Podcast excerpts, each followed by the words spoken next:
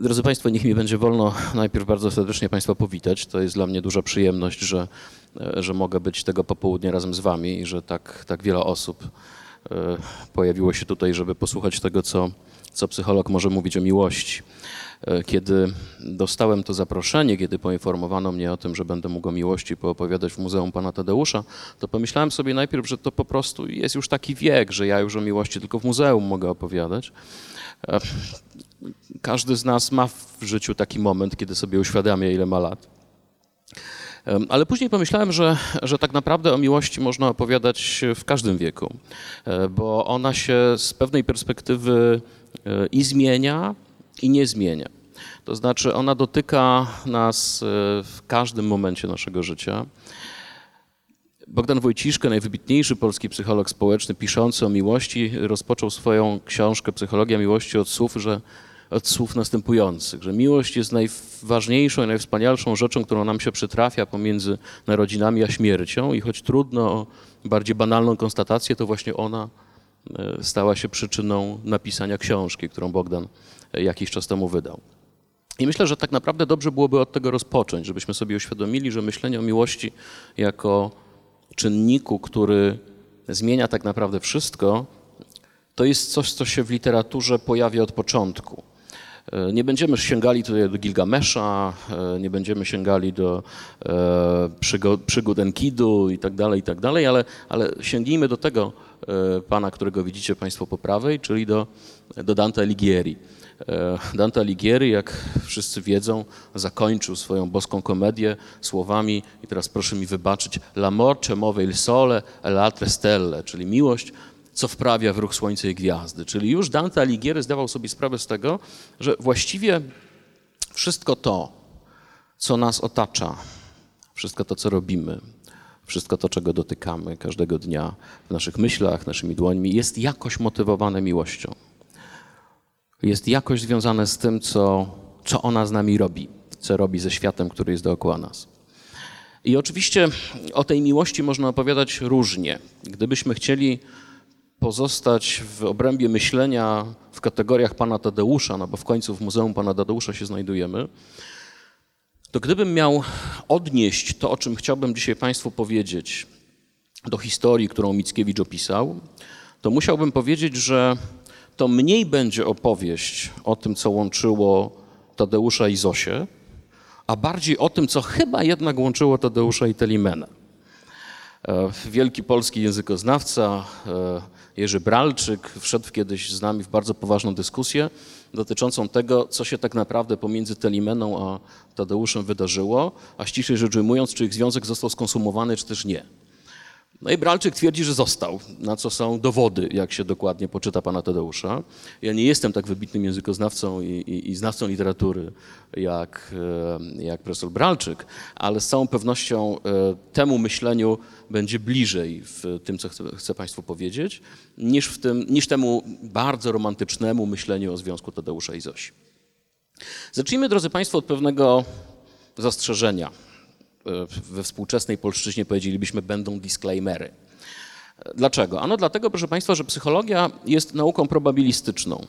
Co to oznacza, że ona jest probabilistyczna? Proszę Państwa, jeśli ja teraz wziąłbym długopis i ten długopis zrzucił na podłogę, to on po prostu spadnie. I tak będzie zawsze. Jeśli ja teraz podniosę ten długopis raz jeszcze i raz jeszcze go upuszczę, to on znowu spadnie. I tak się będzie działo. Jeżeli ja teraz wezmę dwa długopisy, czyli do tego długopisu dołączy drugi, zepnę je z sobą razem.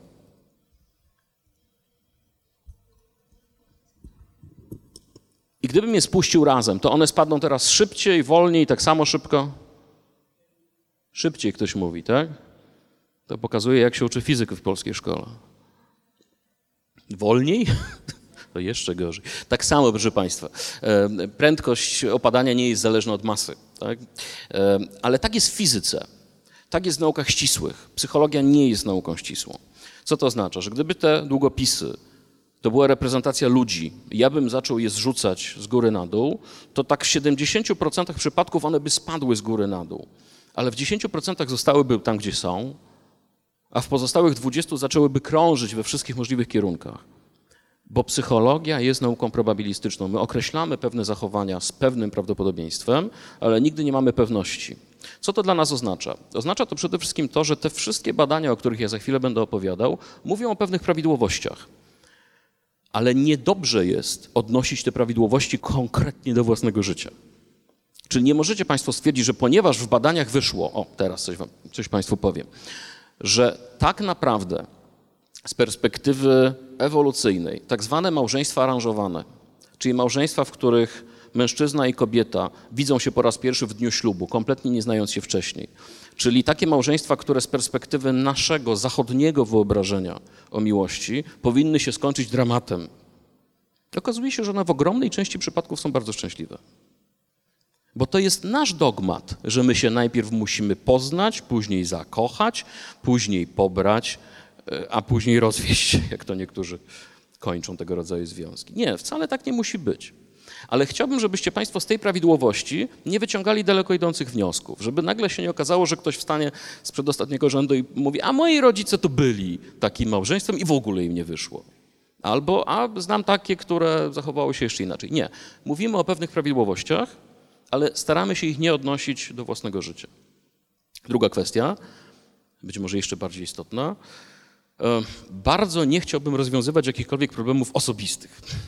Nie tworzymy klubu złamanych serc tutaj. Oczywiście powiemy sobie o tym, co się dzieje wtedy, kiedy jesteśmy odrzuceni, bo to jest rzecz, która się nam prawdopodobnie każdemu w życiu zdarzyła albo zdarzy. Odrzucenie jest częścią naszego życia. I powiemy sobie trochę o tym, co z tym robić ale nie daje żadnej gwarancji, że zadziała. I nie podpisze się pod żadną receptą. Okay? Czyli ustalmy te rzeczy na początku, a teraz spróbujmy trochę e, popatrzeć na, na miłość z tej perspektywy psychologicznej. Zacznijmy, proszę Państwa, od tego, że, że my mamy duży problem ze zdefiniowaniem tego, czym jest miłość. No bo tak, po pierwsze możemy powiedzieć, że to jest pewien stan. Tak? Stan, w którym się znajdujemy. Ja kocham kogoś, ja jestem kochany przez kogoś. Jest to pewien stan. No ale z pewnej perspektywy to byłoby niewłaściwe definiowanie, dlatego że stan w psychologii zawsze jest krótkotrwały, a zatem musi się skończyć. Ja bardzo nie chcę Państwa zostawiać takim przekonaniem, że to się musi skończyć. Więc czy miłość jest stanem? Owszem, bywa. Czyli możemy mówić o miłości jako pewnym stanie, czasami niestety stanie przejściowym, ale to nie jest pełna definicja miłości. Idźmy dalej. Czy miłość jest typem relacji? Okej, okay, z pewnej perspektywy tak, jest typem relacji pomiędzy osobami. Ale zauważcie Państwo, że to sprawia, że takich. E, tu jest chyba jeszcze jedno wolne miejsce. Jest wolne? Bardzo proszę. E, że jeżeli myślelibyśmy w takich kategoriach, to okazałoby się, że tych rodzajów miłości mamy niebywale dużo. Miłość e, przyjaciela do przyjaciela, miłość matki do dziecka, miłość kochanki do kochanka, kochanka do kochanka, kochanki do kochanki i tak dalej, i tak. Reszta kombinacji wy, wypadła mi teraz z głowy. A zatem jest to typ relacji, ale to znowu jest niepełna definicja. To jeszcze nie jest wszystko. Czy miłość jest emocją? Hm. Trochę tak. Z całą pewnością w miłości emocje się pojawiają. Z tym, że problem, który my mamy, jest taki, że my nie tylko w psychologii, ale także w tak zwanym życiu ogólnym, mamy pewien problem z zdefiniowaniem emocji. No, czym ta emocja tak naprawdę jest? W psychologii my z emocją mamy kłopot o tyle, że, że tych definicji emocji jest sporo. Takim człowiekiem, który najwięcej, jeśli chodzi o psychologię emocji, ma do powiedzenia, jest e, holenderskiego pochodzenia e, psycholog Nico Frida. I Nico Frida mówi, że psychologia powinna skupić się na emocji jako na pewnej jako na pewnej ocenie wydarzenia.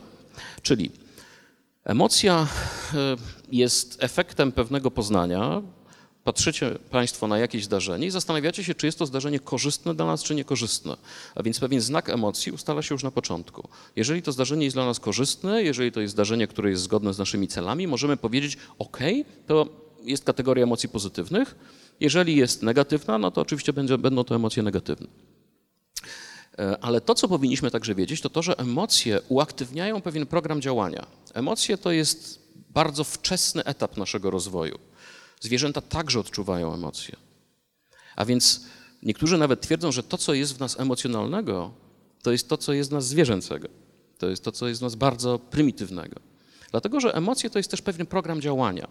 Jeżeli zaczynamy odczuwać jakąś emocję, to za tym idą pewne działania, które podejmujemy. No, mówiąc trywialnie, jeżeli Państwo, e, jeżeli państwo widzą coś, co jest dla nas zagrażające, tak, widzimy, nie wiem, e, bardzo szybko zbliżający się do nas samochód, no to mamy pewien zestaw programów działania, które nasz organizm zaczyna wdrażać. Na przykład nasze mięśnie zaczynają się spinać, nasze widzenie staje się widzeniem tunelowym, widzimy bardzo wąsko, ale bardzo ostro i wyraźnie. Do naszej e, krwi zaczyna być wyrzucana adrenalina, która powoduje, że e, ewentualne rany, które e, odniesiemy, będą się bardzo szybko goiły i tak dalej, i tak dalej. A więc emocje są także pewnym programem działania. I to wszystko byłoby fajne, Gdyby nie to, że w kontekście miłości to trochę traci sens, bo zauważcie Państwo, że miłość jest takim koktajlem emocjonalnym, w którym mieszają się rzeczy pozytywne, negatywne. Kocha mnie, nie kocha mnie, jednocześnie mnie kocha i nie kocha, prawda? On mnie gdzieś tam zaprosił, ale jednocześnie dowiaduje się, że dzisiaj usłyszałem taki piękny żart, jak to przychodzi człowiek i na walentynki kupuje kartkę i mówi, dzień dobry, czy są takie kartki z takim napisem dla mojej jedynej? Tak są, poproszę sześć. Więc zobaczcie Państwo, jeśli mówimy o miłości z tej perspektywy, to wszystkie te definicje, o których tutaj mówimy, stają się trochę mało wystarczające. No bo czy emocje? Tak, ale bardzo różne i pozytywne i negatywne jednocześnie. Czy, e, czy stan? Na pewno, ale znowu niejednoznaczny, e, niekoniecznie wyłącznie pozytywny albo negatywny. E, Czy relacja pomiędzy osobami? Tak, ale przecież cała literatura pełna jest opisów takiej miłości nie na wyłączność, kiedy człowiek kocha jedną, ale jednak z drugą też go coś wiąże, kiedy ona nie może się zdecydować. Tak? I nie mówimy koniecznie o Izabeli Łęckiej, ale o bardziej pozytywnych postaciach, które mamy w historii literatury. A zatem już na samym początku, kiedy próbujemy tę miłość jakoś definiować, to napotykamy na sporo problemów. Tutaj macie Państwo pewne emocje podstawowe. Gdybyście kiedyś chcieli o emocjach trochę więcej poczytać, to Paul Ekman napisał kiedyś bardzo interesującą książkę Natura emocji. Mamy tutaj zaskoczenie, strach, obrzydzenie, złość, radość, smutek. Zauważcie Państwo, że nie ma tutaj miłości jako emocji, ale tak naprawdę wszystkie te rzeczy mogą się w miłości pojawiać. Tutaj jest przykład takiego bardzo interesującego zjawiska, pokazującego, że my kochamy pod każdą szerokością geograficzną podobnie. To są zdjęcia, których używa się w badaniach, kie- kiedy ludzie mają odpowiadać na pytanie, jaką emocję na mimice danego człowieka widać i okazuje się, że właściwie pod każdą szerokością geograficzną emocje się rozpoznaje bardzo podobnie. To znaczy, o ile wiecie Państwo, że istnieją pewne różnice międzykulturowe dotyczące potakiwania i kręcenia głową, tak w Bułgarii można dość dużych problemów doświadczyć, jeśli ktoś będzie ciągle kiwał na tak i, i, i nie dostanie tego, co, czego by oczekiwał. Natomiast rozpoznawanie emocji na poziomie mimicznym w wielu miejscach na świecie, a właściwie prawie wszędzie jest y, dokładnie takie samo. Idźmy dalej, proszę Państwa. Po co jest miłość? No po co? Znowu, na poziomie narracyjnym, takim literaturowym, możemy powiedzieć po to, żebyśmy mieli na przykład Muzeum Pana Tadeusza, prawda? I po to, żebyśmy mieli parę naście tysięcy książek, które miłości na różne sposoby dotyczą. Ale z perspektywy ewolucyjnej, z perspektywy myślenia o człowieku jako gatunku, to miłość może być rozumiana jako pewien zabieg, który natura wykonuje na nas po to, żebyśmy byli w stanie być tym, co widzimy na tej, co widzimy na tej, na tej ilustracji, czyli po to, żebyśmy byli być w stanie rodziną. Dlaczego rodzina jest ważna? Drodzy Państwo, kiedy e, ja jestem ojcem trójki dzieci, e, to znaczy w myśl prawa na pewno, a jak się później Państwo zorientują, z tym ojcostwem to bywa różnie, prawda? Więc na pewno moja, moja żona jest matką trójki dzieci, a później to już się będziemy zastanawiać. W każdym razie, jeśli ja jestem ojcem trójki dzieci, y, to przypominam sobie te momenty, kiedy moja żona była w ciąży kiedy była pytana o to, co będzie, w domyśle chłopczyk albo dziewczynka, to odpowiadała najczęściej, chciałabym, żeby była żyrafa. No więc pytano dlaczego, bo żyrafa w 30 minut po urodzeniu jest w stanie sama wyszukiwać sobie pożywienie. Proszę Państwa, zwierzęta są, w, są gotowe do samodzielnego funkcjonowania w bardzo krótkim czasie po urodzeniu. Ssaki i tak dosyć długo, ale źrebak w 30 minut po urodzeniu chodzi. Tak? Nie ma takiego zwierzęcia na kuli ziemskiej, które wymaga 18-letniego opiekowania się. A ten wskaźnik neoteni, jak Państwo wiedzą, ciągle się prze, prze, prze, przedłuża. Tak? Czyli wskaźnik neoteni, czyli tego momentu, w którym y, człowiek zyskuje samodzielność, jak to się mawiało w mojej rodzinie, zakłada długie spodnie y, i, i zaczyna się sam troszczyć o siebie i tak dalej. Y, zjawisko bambucione, czyli tych chłopców 35-letnich mieszkających z matkami, no bo gdzie mu będzie tak dobrze jak u mamy, pokazuje, że ten wskaźnik neoteni rzeczywiście się przesuwa bardzo, bardzo wyraźnie. Więc 35 lat? Nie, no to nie, nie ma takiego zjawiska w, w, w przyrodzie. W związku z tym, żeby mieć czas wychować dziecko przez na przykład 18 lat, no to nie ma szans, żeby zrobić to samemu. W związku z tym potrzebujemy, twierdzą ewolucjoniści, miłości, czyli pewnej emocji, pewnego stanu, pewnego związku, który będzie wiązał z sobą matkę i ojca, po to, żeby oni byli w stanie utrzymywać te relacje właśnie w trosce o rozwój tych szkrabów. Okej, okay, mówi Robin Dunbar. Robin Dunbar, nawiasem mówiąc, jest jednym z bardzo interesujących badaczy, antropologów, który sporo także o miłości pisze. Ale dlaczego akurat mężczyzna i kobieta? Dlaczego to nie może być para teściowej, no teściowej nie, matki i córki? Dlaczego to nie one wychowują dziecko? No, trochę wychowują, prawda? Jeśli Państwo teraz pomyślicie o współczesnych modelach. Więc dlaczego mężczyzna i kobieta? No, pewnie dlatego, że mężczyzna i kobieta z perspektywy ewolucyjnej to jest najlepszy tandem do zapewniania jednocześnie opieki i bezpieczeństwa. Tak, mężczyzna jako ten, który zapewnia bezpieczeństwo w sensie fizycznym i kobieta jako ta, która zapewnia opiekę w sensie opieki matczynej. Czy to jest najlepszy układ, to jeszcze będziemy dzisiaj dyskutować, ale zwróćcie Państwo uwagę, że to jest jedna z odpowiedzi, nie mówię, że najlepsza, która odpowiada nam na pytanie, po co jest w ogóle miłość. John Bowlby, taki psycholog, który tak naprawdę zrewolucjonizował nasze życie, tylko my nie zawsze o tym pamiętamy.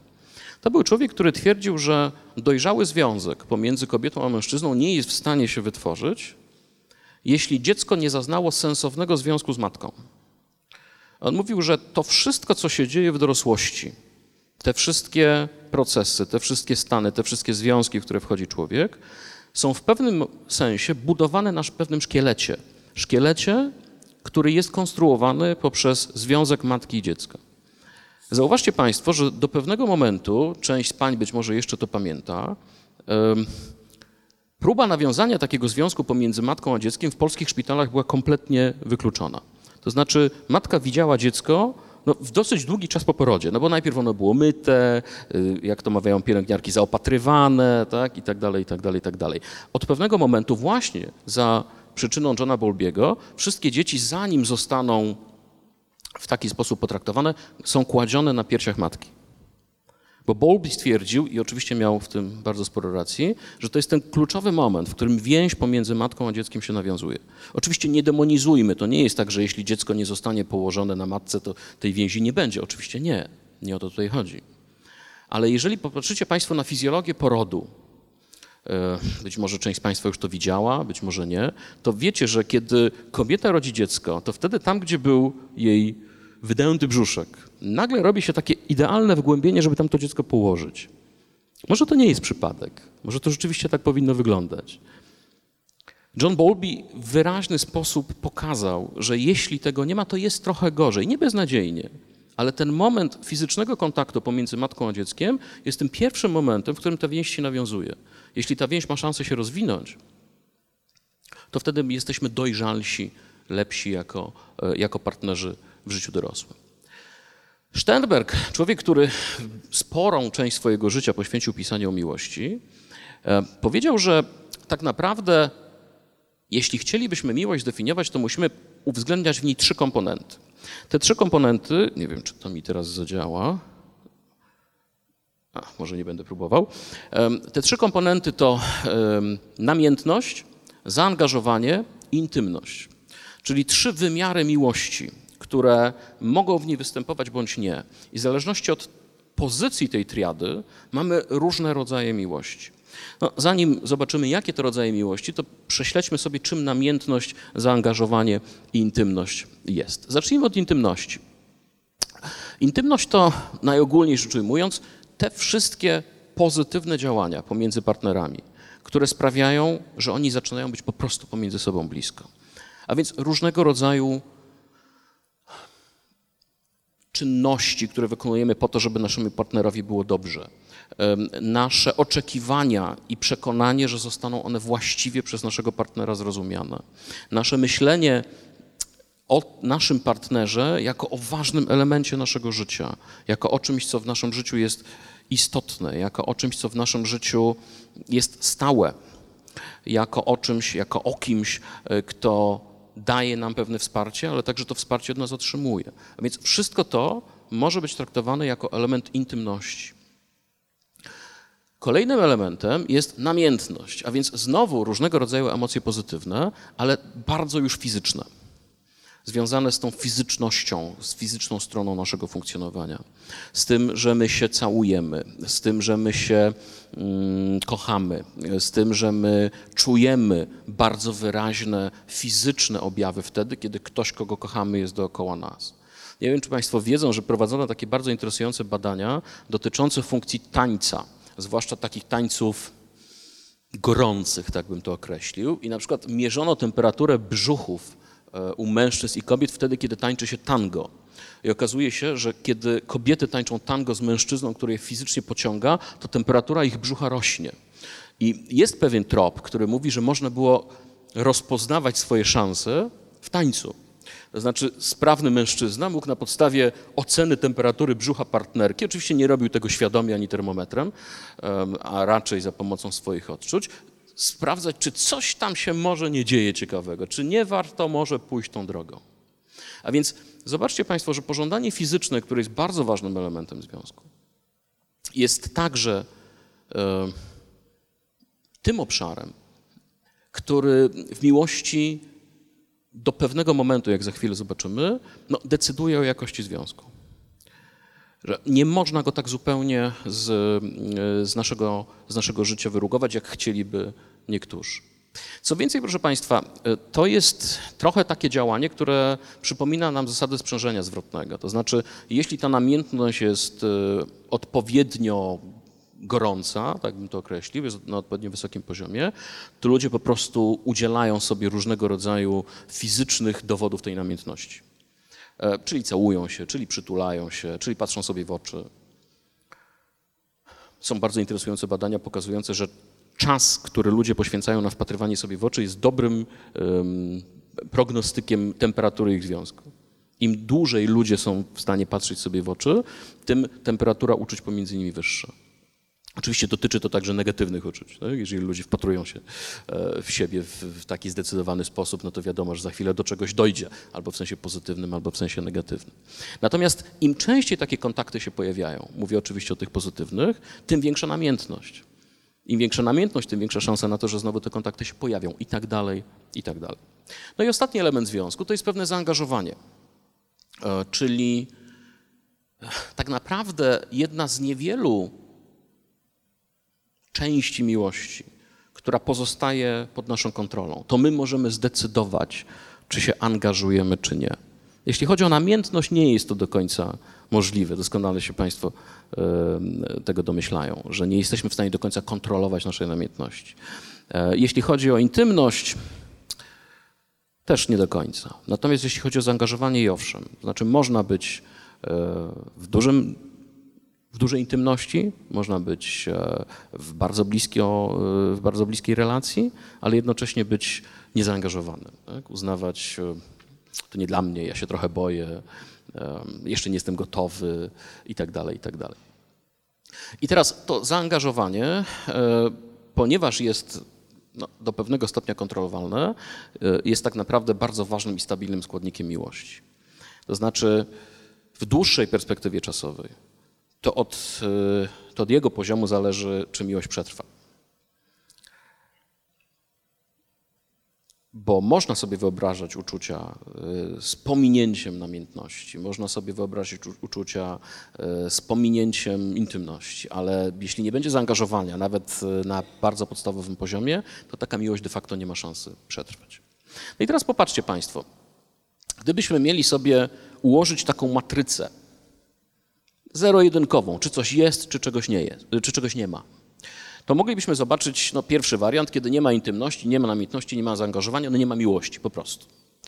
Jeżeli mamy intymność, e, ale nie ma namiętności, nie ma zaangażowania, no to możemy powiedzieć, że kogoś lubimy. Tak? Jesteśmy z kimś w miarę blisko, e, ale ani niespecjalnie angażujemy się w, w, w, jego życie, ani nie ma tam specjalnej namiętności. Lubienie. Później mamy miłość ślepą, gdzie nie ma ani intymności, ani zaangażowania, ale jest namiętność. Namiętność jest bardzo silna i ona w niektórych wypadkach części zupełnie wystarcza.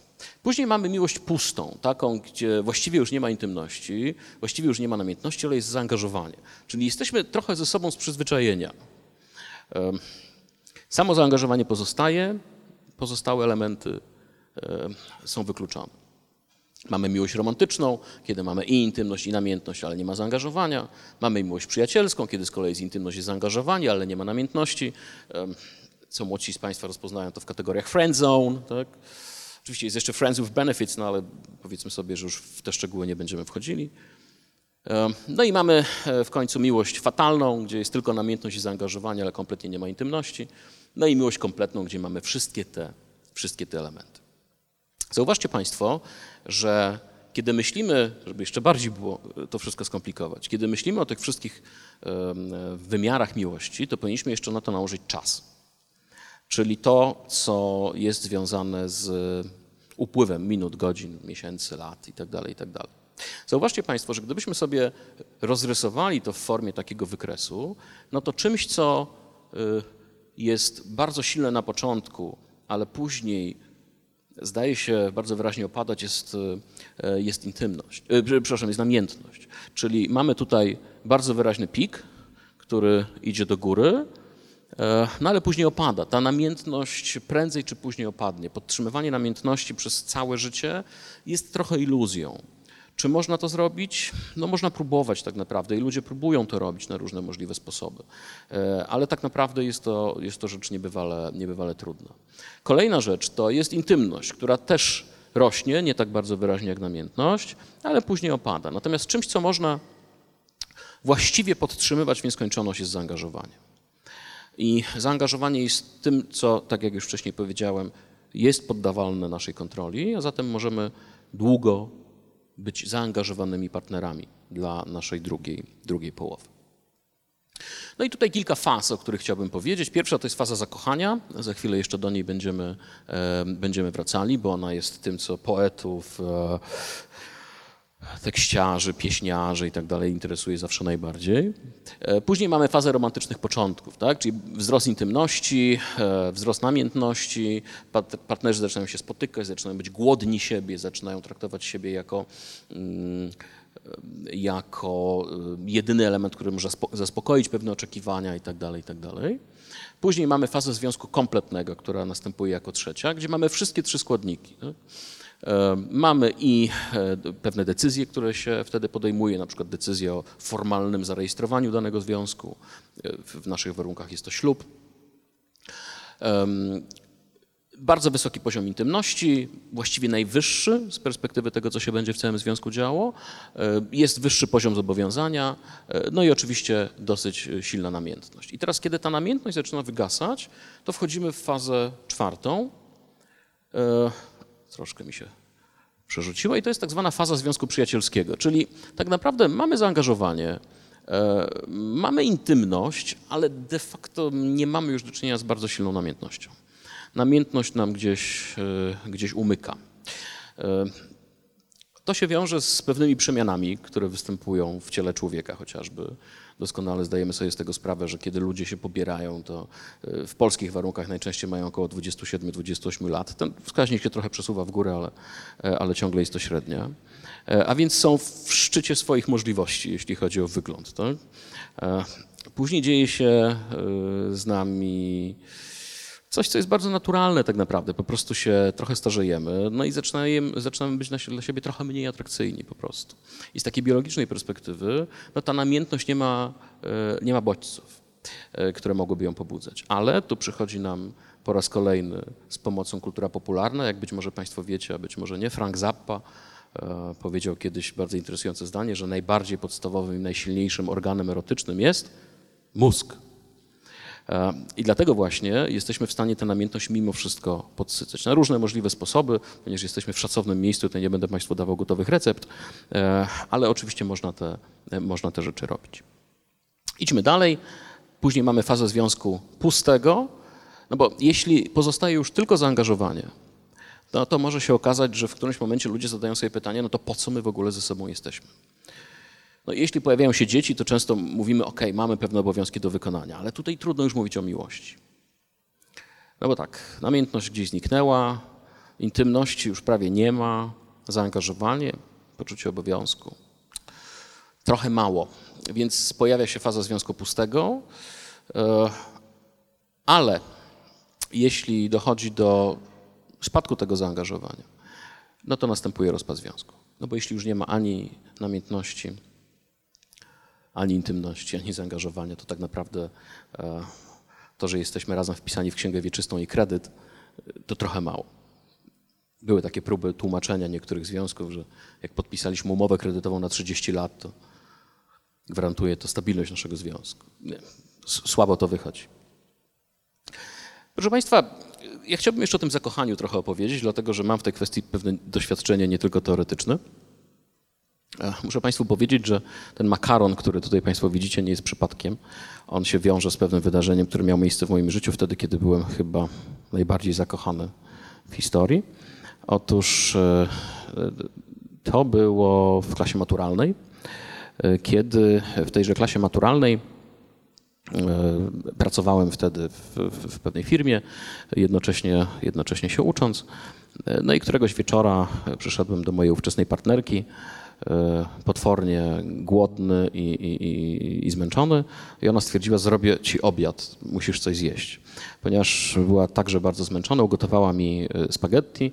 E, myślę, że ono się gotowało jakieś 4 minuty, nie dłużej. A więc to, co dostałem, to były po prostu sztywne kawałki makaronu. Muszę Państwu powiedzieć, że ja się zorientowałem dopiero na drugi dzień, że coś było nie tak że ja ten makaron po prostu wrąbałem, kompletnie nie zwracając uwagi na to, co się dzieje, no bo przecież to, co było najważniejsze, było pomiędzy nami, było pomiędzy naszymi oczami, e, było pomiędzy naszymi dłońmi, a, dalej już nie będę opowiadał. Makaron był tylko dodatkiem. Ale to pokazuje Państwu, że z pewnej perspektywy możemy traktować człowieka w stanie zakochania jako człowieka w czymś, co psychologia, psychologia określa jako krótki epizod psychotyczny. Czyli kompletny brak zwracania uwagi na rzeczy, które z Twojej perspektywy są niezgodne z celem, który Ty masz. Przypomnijcie sobie teraz Państwo, co robiliście wtedy, kiedy byliście zakochani. To były niezwykłe rzeczy, tak? Ja wszedłem do Odry po to, żeby wyłowić nenufar. W marcu. Tak? Zjadłem makaron. Kompletnie nieugotowany. Państwo pewnie możecie dołożyć całą masę różnych innych rzeczy, które człowiek robi wtedy, kiedy jest zakochany, kompletnie nie zwracając uwagi na, na okoliczności. To zakochanie i ten krótki epizod psychotyczny jest rzeczywiście dosyć, dosyć ważny. No i teraz, proszę Państwa, wejdziemy w taką, w taką część tego mojego dzisiejszego wystąpienia, które, która chyba najbardziej nie licuje z powagą miejsca, w którym jesteśmy, ale spróbujmy mimo wszystko. Chciałbym, żebyśmy trochę e, porozmawiali o, o tym, kogo my szukamy, to znaczy o pewnych strategiach poszukiwania partnera. Zacznijmy, proszę Państwa, od, e, od takiego wykresu, e, który mam wrażenie powinien nam trochę ustawić myślenie o, my, o mężczyznach i kobietach z perspektywy tego, o czym będziemy mówili za moment. Otóż za chwilę pokażę Państwu wykres, który pokazuje pewną systematyczną różnicę pomiędzy mężczyznami a kobietami. To jest różnica w pewnej cesze, e, którą mamy, w pewnym poziomie no, jakiejś cechy psychologicznej, tak bym powiedział na początku. Chciałbym, żebyście Państwo spróbowali zgadnąć, co to jest. Popatrzcie Państwo na ten wykres. E, to, co jest oznaczone trójkącikami, no to nie jest niespodzianka, są mężczyźni. E, kółeczka to są kobiety, a na dole mamy wiek. Czyli mamy wiek 9-12, 13-17 itd., itd., aż do wieku 80-90. To są badania robione na, jeśli dobrze pamiętam, 350 tysiącach ludzi na całym świecie, więc no gigantyczna próba, silny efekt.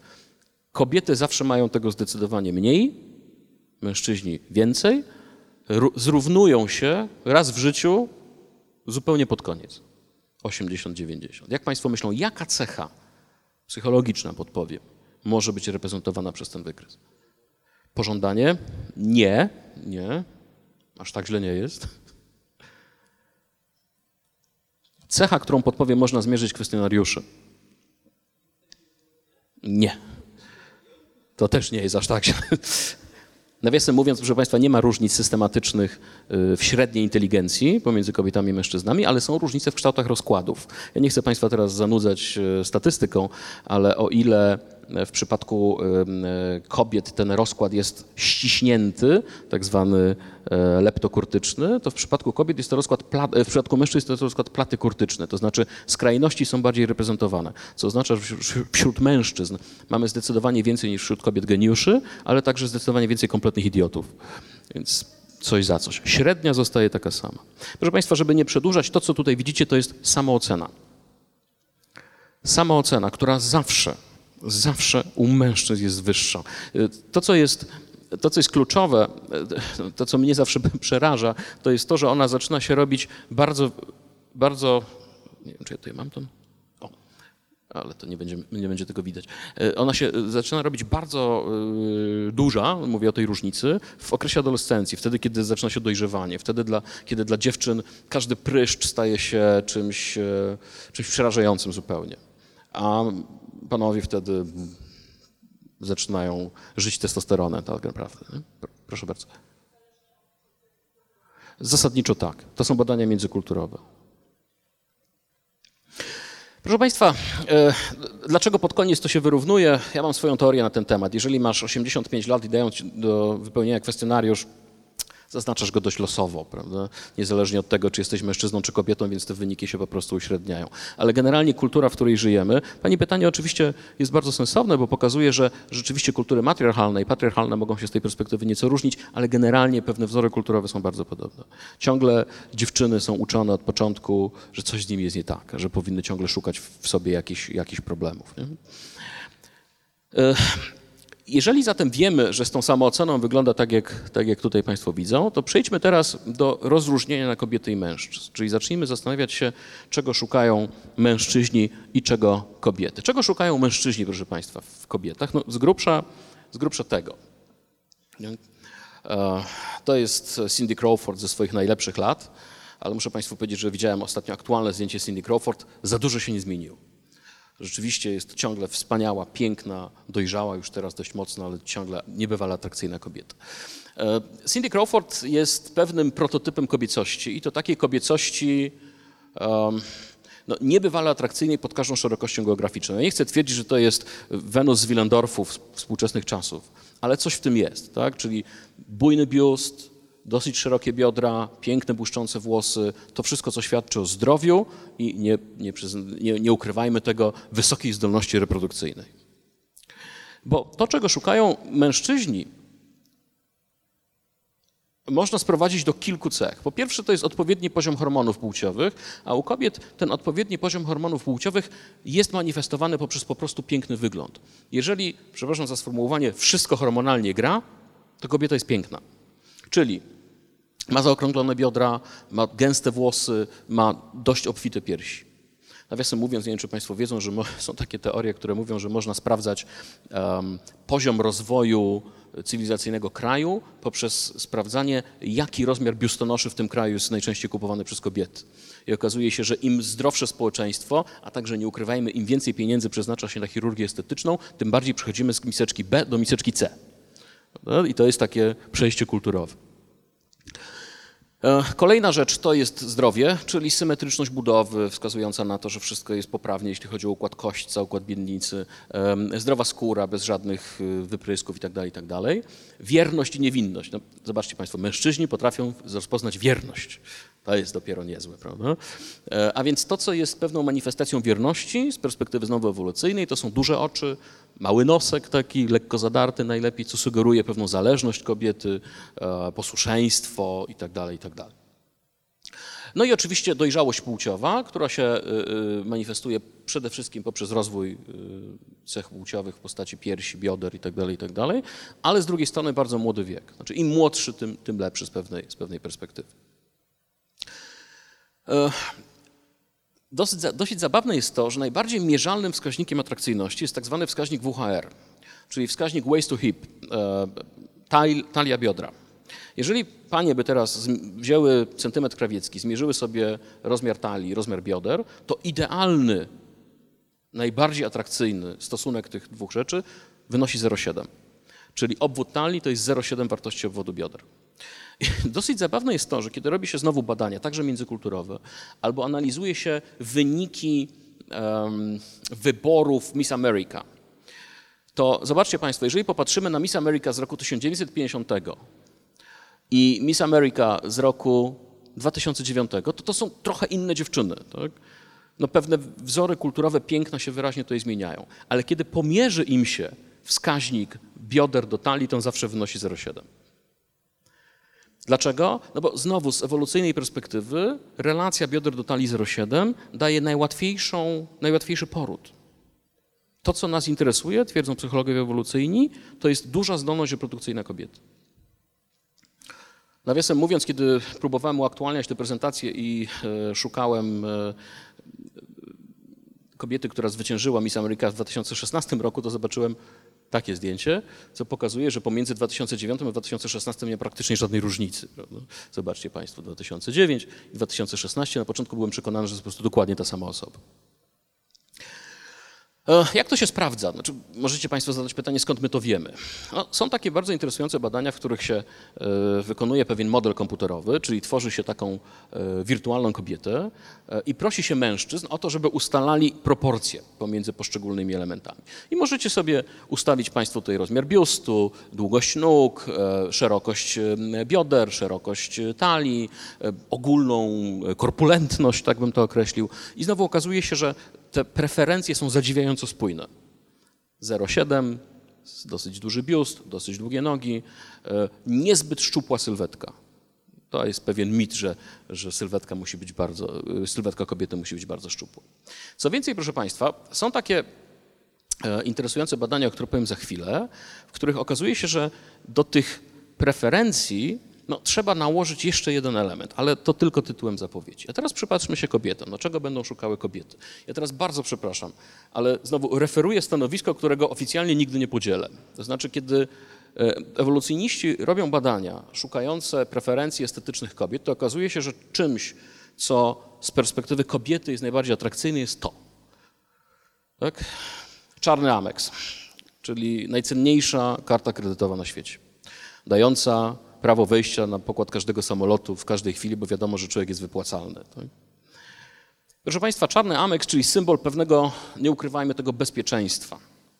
Bo żyjemy w takich czasach, w których to nie największe mięśnie mężczyzny, nie jego gigantyczny wzrost i siła, którą może zapewnić bezpieczeństwo kobiecie, ale jego możliwości finansowe stają się najwyższym wskaźnikiem jego możliwości zapewnienia bezpieczeństwa. Kiedyś to rzeczywiście były mięśnie, czyli kiedyś, kiedy kształtowały się nasze preferencje e, międzypłciowe, no to na, największe, e, na największą nagrodę e, mógł liczyć ten, który miał najwyższy wzrost, był najpotężniej zbudowany. Teraz już trochę to jest mało istotne. Oczywiście w pewnych momentach staje się istotne, o nich powiem za chwilę, ale zasadniczo to, co będzie kobiety najbardziej interesowało, znowu podkreślam, z perspektywy psychologii ewolucyjnej, to będzie zdolność do zapewnienia pewnego bezpieczeństwa. No dobrze, ale możemy sobie zadać pytanie, że związane z tym, że my teraz mamy pewną rozbieżność. No, kiedy się łączymy w parę? Najczęściej to jest czas studiów. Tak? Czy studiów u tych, którzy studiują i tego samego wieku u osób, które, które studiów nie podjęły. Czyli ludzie łączą się w pary mniej więcej w okolicy 21-22 roku życia, później przez jakiś czas ze sobą są. Jeśli to wszystko działa, no to się ze sobą pobierają. Doskonale się Państwo orientują, że jeśli ktoś nie jest potwornie bogaty z domu, y, no to trudno, żeby miał duże pieniądze właśnie wtedy. I tutaj, proszę Państwa, zwłaszcza panowie, jest nadzieja. Okazuje się, że kobiety muszą wnioskować o zdolności danego mężczyzny do zapewnienia bytu, ale w przyszłości. I okazuje się, że robią to po pierwsze diagnozując inteligencję danego człowieka. Mimo wszystko inteligencja jest pewnym predyktorem tego, jak ktoś sobie poradzi w życiu, no ale nie wszystkie mają takie narzędzia, żeby dać mu tekst Wechslera do zrobienia albo jakiś inny element. I okazuje się, że kobiety często wnioskują po poziomie poczucia humoru. Poczucie humoru staje się jest zupełnie niezłym predyktorem inteligencji danego człowieka. Więc panowie, kobiety lubią tych takich wymownych, no? co to i żart powiedzą, i poopowiadać o różnych ciekawych rzeczach potrafią. Nie mamy tyle czasu, żeby o tym rozmawiać, ale muszę Państwu powiedzieć, że w Polsce w pewnym momencie stały się bardzo popularne kursy tak zwanych alpha male, czyli samców alfa. To były tak zwane alpha male seminars. Głównie zajmował się tym pierwszy coach Rzeczypospolitej, czyli Mateusz Grzesiak. Część z Państwa być może rozpoznaje postać. No i alpha male seminar polegało na tym, że dżentelmeni płacili po tam 6 czy 7 stów i szli na specjalny kurs. I na tym kursie tacy stereotypowi informatycy, czyli koszula w kratę i spodnie podniesione do mniej więcej tego poziomu, dowiadywali się, co zrobić, żeby być samcem alfa. I najpierw mieli część teoretyczną, a później mieli część praktyczną, czyli tak zwane kombaty. Kombaty polegały na tym, że się ich dobierało szóstkami i szli ze swoim trenerem w miasto i tam mieli podrywać dziewuchy. Nie? Ja nie uczestniczyłem w takim kursie, od razu Państwu powiem, ale kiedyś zadałem sobie trud i przeczytałem całą masę podręczników dotyczących tego, jak być samcem alfa i muszę Państwu powiedzieć, że one muszą działać. Nie ma wyjścia, one muszą działać. Jeżeli podstawowa rada, która w tych podręcznikach jest formułowana, jest następująca, myj się codziennie, to to musi działać. Druga rada, którą możecie tam znaleźć, jest następująca. Raz dziennie przeczytaj artykuł z gazety, raz w tygodniu postaraj się zerknąć do jakiejś książki. Najlepiej byłoby, żebyś ją przeczytał. Proszę Państwa, czy to może nie działać? No to musi działać. Dlaczego? No bo znowu, jeżeli przeczytałeś gazetę, jeżeli przeczytałeś jakąś książkę, to masz o czym rozmawiać. To jesteś w stanie podjąć jakiś dialog.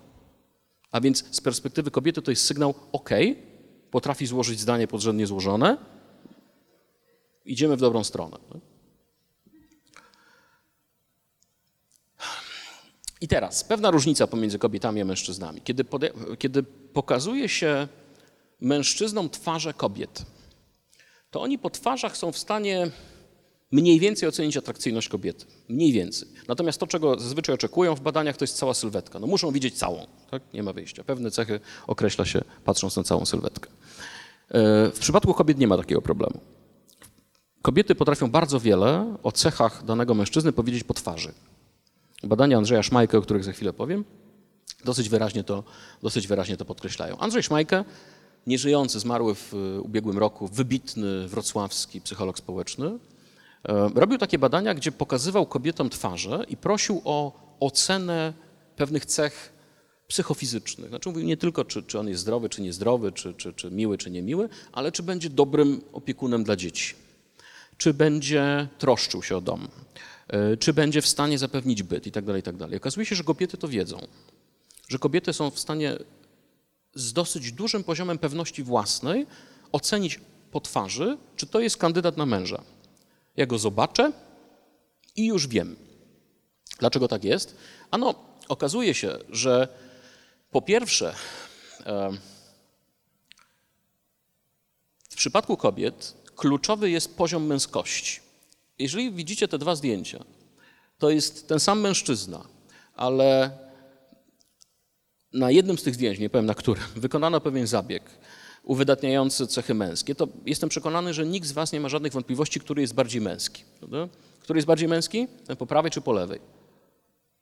Po prawej oczywiście, tak? Pewne cechy męskie zostały tutaj wyeksponowane, a więc większa szczęka, bardziej wyrazisty nos i tak dalej, i tak dalej. Ogólnie szersza twarz.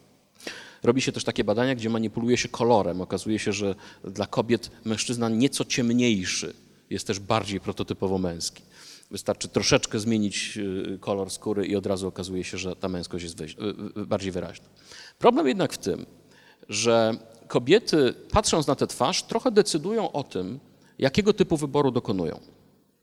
Bo trochę inaczej wybiera się partnera do czegoś, co można by nazwać tak zwanym krótkotrwałym użyciem, a inaczej partnera który ma z nami być przez całe życie. Czyli jeśli zadajemy kobietom pytanie, y, z kim chciałabyś nawiązać przylotny romans, to kobiety wybierają tego twardziela. Tak? Czyli takiego prototypowego uwodziciela, y, amanta, oszusta matrymonialnego. Natomiast wtedy, kiedy zadajemy pytanie, z kim chciałabyś być przez całe życie, to one nie mają wątpliwości, wybierają tego trochę bardziej fajtłapę, ale jednak bezpiecznego. Tak? Takiego, który nie ma takich prototypowych cech męskich jak tutaj, e, po prawej stronie, Dlatego, że takie prototypowe cechy męskie no, mogą zwiastować pewne problemy, na przykład z wiernością. Bardzo interesujące badania przeprowadził Bogusław Pawłowski razem z Robinem Dandarem, o którym dzisiaj wspominam. Bogusław Pawłowski to jest profesor antropologii z Uniwersytetu Wrocławskiego, gdzie wraz z Robinem Danbarem dokonywali pewnych mm, analiz ogłoszeń matrymonialnych. Badania polegały na tym, że brano ogłoszenia matrymonialne z różnych krajów świata, między innymi z Polski, także z Wielkiej Brytanii i sprawdzano, jak ludzie opisują siebie w tych ogłoszeniach. Tutaj macie Państwo przykłady takich e, ogłoszeń sprzed, sprzed wielu lat. Pan lat 42, szatyn, przystojny, wysoki, 170. Okay. Posiadający samochód, większą gotówkę, poślubi panią ładną, zgrabną, bez nałogów, nauczycielkę lub panią z prawem jazdy. Wiadomości pisemne. Samotna wdowa lat 46, religijna, pragnie znaleźć pociechę w korespondencji z poważną osobą o dobrym sercu na tematy religijne i inne. Pisać prosimy pod adresem i tak dalej, i tak. Pewne prawidłowości, które Pawłowski z Danbarem znaleźli, są następujące. Otóż oni stwierdzili, że kiedy się tak temu wszystkiemu przyjrzeć, to okazuje się, że my dość dobrze wiemy, w jakim etapie naszego życia jesteśmy i dość dobrze orientujemy się, jaką wartość stanowimy na rynku matrymonialnym. Do czego to można e, sprowadzić? Ano do tego, że kiedy e, kobiety przekraczają trzydziestkę, to nie podają swojego wieku w ogłoszeniach matrymonialnych. Jeśli kobieta jest przed 30, to najczęściej pisze, że 27 ma lat, 28, 29 i tak dalej. Po 30 to radykalnie spada. Okazuje się, że już nie podajemy tego wieku, albo jeśli podajemy, to w przedziałach, przed 40 na przykład, nie? czyli 42. Jeśli chodzi o mężczyzn, to okazuje się, że jeśli mężczyzna ma poniżej 180, nie podaje swojego wzrostu, bo umówmy się, nie ma się czym chwalić. Tak? Są takie badania pokazujące, że jest jedna systematyczna różnica pomiędzy psychologami a niepsychologami mężczyznami, to jest wzrost. Psychologowie są niżsi, czego jestem wybitnym dowodem. Następna kwestia. E, jeżeli kobieta w ogłoszeniu matrymonialnym poinformuje, że ma dziecko, to może go nie wysyłać. To nie będzie miała właściwie żadnego, żadnej, żadnej odpowiedzi. Jeśli to, to, dziecko pojawi się później, to jest pewna szansa, czy później w okresie jakiegoś nawiązywania się relacji. Natomiast e, ci, którzy konstruują ogłoszenie matrymonialne, matrymonialne mówią bardzo wyraźnie, nie dawaj tam informacji o dziecku. Natomiast u mężczyzn, to jest dosyć zabawny efekt, bo teraz, jak Państwo wiedzą, wszystko się scyfryzowało i teraz takie badania można robić na przykład na Tinderze. Tak? Więc jak się robi badania na Tinderze, to okazuje się, że kiedy mężczyzna pojawia się na zdjęciu z dzieckiem, to zawsze informuje, że jestem tutaj z siostrzeńcem. Prawda? Albo z bratankiem. Zobaczcie Państwo, jakie to jest sprytne, bo on informuje, że jest troskliwy, opiekujczy, ale jednocześnie nie ma zobowiązań. Tak? Czyli no ideał z pewnej perspektywy. E, no ale to wszystko jest dosyć negocjowalne. Co to oznacza? To oznacza, że im jesteśmy starsi, tym bardziej jesteśmy e, skłonni do przyznania, e, że nie wszystko musi być tak idealne, że niekoniecznie musimy się na wszystko przy wszystkim tak silnie upierać. E, I tutaj można powiedzieć o takim bardzo e, interesującym badaniu Jamesa Pennebackera, który robił badania w barach. E, badania polegały na tym, że brano wyłącznie trzeźwych bywalców i zadawano im pytania, jak bardzo atrakcyjne są pozostałe osoby w barze. I te pytania zadawano o godzinie 21, 22 i o północy. I okazało się, że kiedy mieli oni oceniać atrakcyjność przedstawicieli własnej płci, to generalnie nie było różnic. Jeśli były, to raczej negatywne, to znaczy im dłużej siedzieli w barze, tym bardziej te osoby wydawały im się niespecjalnie atrakcyjne.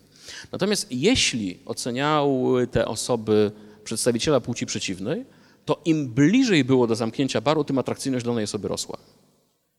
Dlaczego? No bo nie ma już co wybrzydzać. Zbliża się moment zamykania baru, a więc muszę trochę przeprosić się sam ze sobą i stwierdzić, ok, coś, co wcześniej uznawałem za trudno akceptowalne, teraz wydaje się zupełnie sensownym wyborem. I dość podobnie jest w przypadku wyników pochodzących z tej analizy ogłoszeń matrymonialnych. Im osoby są starsze, tym mniej wybrzydzają, tym mniej upierają się przy swoim wstępnym stanowisku i są w stanie pójść na pewne ustępstwa. Dlaczego? No, znowu, e, można tutaj sporo mówić o e, różnego rodzaju efektach. Wiemy, że co prawda jest tak, że im człowiek ładniejszy, tym lepszy. Jesteśmy wspierani w tym przez różnego rodzaju bajki. Jest tak zwany efekt aureoli w języku psychologii, czyli to, co jest piękne, musi być dobre. E, zauważcie Państwo, że kiedy popatrzymy na e, postacie z bajek, to, to, zawsze, osoby, to zawsze postacie negatywne są brzydkie. Tak? To jest Cruella de Bon, e, to jest cała masa różnych negatywnych postaci z wielu bajek. Natomiast bardzo niewiele znajdziemy takich bajek, gdzie ktoś jest dobry i niespecjalnie atrakcyjny, jak to mówiła Maria Czubaszek, urody nienachalnej. Prawda? Są przykłady, no, tutaj mamy przykład pięknej bestii, no ale to nie jest do końca dobry przykład, bo jak wiemy, bestia stała się piękna. Tak? Trzeba było ten czar zrzucić i piękno przyszło. Natomiast jeśli popatrzymy na tego dżentelmena, no to wiemy, że tutaj te czary już nie działają. Tak? To jest jedna z niewielu bajek, która pokazuje, że nie musisz być bardzo atrakcyjny, a mimo tego możesz być dobry, fajny, sympatyczny e, i, i możesz być dobrym kandydatem na ojca. E, dlaczego tak jest? No, jest to związane z takimi badaniami, o których e, nie będę tutaj bardzo szeroko opowiadał, z tak zwanym efektem Pygmaliona, e, który był opisywany przez Roberta Rosenthala. My generalnie mamy tendencję do takiego działania, żeby nasze proroctwa się spełniały, żeby nasze myślenie o kimś się potwierdzało. Coś, co się czasem nazywam paradoksem Kellnera. Otóż, kiedy przebadano kelnerów i zadano im pytanie, dotyczące napiwków, to okazywało się, że kelnerzy byli w stanie dość trafnie przewidzieć, jaki napiwek dostaną od konkretnego gościa. I nie mylili się specjalnie. Problem tylko w tym, że to nie dowodzi specjalnego szóstego zmysłu kelnerów, tylko raczej dowodzi tego, że jeśli by Państwo sobie pomyśleli o tym, jak będzie się zachowywał kelner wobec osoby, co do której jest przekonany, że nie dostanie od niej napiwku, to możecie sobie wyobrazić, że on rzeczywiście tego napiwku nie dostanie. Natomiast jeśli jest o kimś przekonany, że od tej osoby dostanie spory napiwek, no to oczywiście będzie 16 razy proponował kawę, będzie mówił, u tego to bym nie polecał i tak dalej, i tak dalej. A zatem będzie zachowywał się w sposób, który jednoznacznie zmusi nas do dania mu większego napiwku. I to samo spełniające się proroctwo występuje także w przypadku oceny, e, oceny płci. E, konia Hansa sobie e, tym razem pominiemy, Natomiast chciałbym Państwu powiedzieć o badaniach Snydera. Snyder to był człowiek, który robił badania nad oceną y, cech płciowych na podstawie głosu. E, te badania polegały na tym, że mężczyznom dostarczano zdjęcie albo ładnej, albo niezbyt atrakcyjnej kobiety i zachęcano ich do rozmowy telefonicznej z tą osobą. Oczywiście za każdym razem była to ta sama aktorka, która kompletnie nie miała nic wspólnego z tym, z tym zdjęciem. Okazywało się, że e, kiedy zakończono te badania i proszono mężczyzn o ocenę, to stwierdzali, że te ładne, z którymi rozmawiali, to były bardzo atrakcyjne, inteligentne, bardzo błyskotliwe osoby. Natomiast te, które nie były specjalnie atrakcyjne, no, były też nie bardzo atrakcyjne e, na poziomie takim e, psychologicznym, tak bym to ocenił. No i powiedzielibyście Państwo, no dobrze, samo spełniające się proroctwo działa, okej, okay, no w porządku. Rozma myślałeś, że rozmawiasz z brzydką osobą, w związku z tym tak prowadziłeś rozmowę, żeby ona rzeczywiście była brzydka, albo popatrzyłeś na, na zdjęcie. E no i tak stwierdziłeś. Ale kiedy te same rozmowy e, puszczano innym osobom, tym, które nie były świadome tego, czy dany mężczyzna rozmawiał z osobą atrakcyjną, czy nie, to one odnosiły dokładnie te same wrażenie. To samo wrażenie z tej samej rozmowy telefonicznej. Czyli zobaczcie Państwo, to nie jest tylko kwestia samego wyglądu, ale także pewnego uprzedzenia, które mamy. My się nie spodziewamy niczego ciekawego i dostajemy to, czego się spodziewamy. Być może zatem, proszę Państwa, dlatego różnego rodzaju sekstelefony mają e, bardzo poważny, e, bardzo, powa bardzo dużą popularność w niektórych e, kręgach.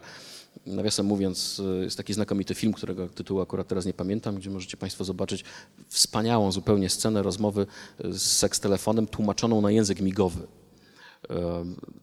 coś genialnego. Chodzi o to, że mężczyzna, który jest niemy, telefonuje, czy, telefonuje przez wideotelefon do, do, do takiej specjalnej agencji, która umożliwia tłumaczenie rozmów na język migowy i ta dziewczyna z tej agencji ma zadzwonić na seks telefon i tłumaczyć to wszystko na język migowy. No, przepiękna zupełnie rzecz. W każdym razie, proszę Państwa, tak wyglądają reklamy, a kiedy New York Post zrobił kiedyś taki bardzo ciekawy fotoreportaż z życia kobiet, które pracują jako partnerki po drugiej stronie słuchawki, to okazało się, że ich wygląd był jednak nieco inny, prawda? A mimo to e, mężczyźni i tak mieli wrażenie, że rozmawiają z osobą, która jest niebywale piękna, bardzo erotyczna itd., tak itd. Tak Proszę Państwa, przechodzimy teraz do tych mniej optymistycznej, do tego mniej optymistycznego wymiaru miłości, e, to znaczy do odrzuceń, rozstań, końca. Otóż e, rzeczywiście wskaźnik rozwodów w Polsce rośnie. E, To są dane jeszcze z roku 2013. E, rocznie około 200 tysięcy małżeństw w Polsce się rozpada. Mówimy tylko o związkach zalegalizowanych. Prawda? Przy czym tylko 30% to są, to są rozwody, reszta to, są, reszta to jest po prostu naturalne odejście któregoś ze współmałżonków. Ale zauważcie Państwo, że te proporcje się zmieniają. Tak? Czyli jeszcze w latach 90.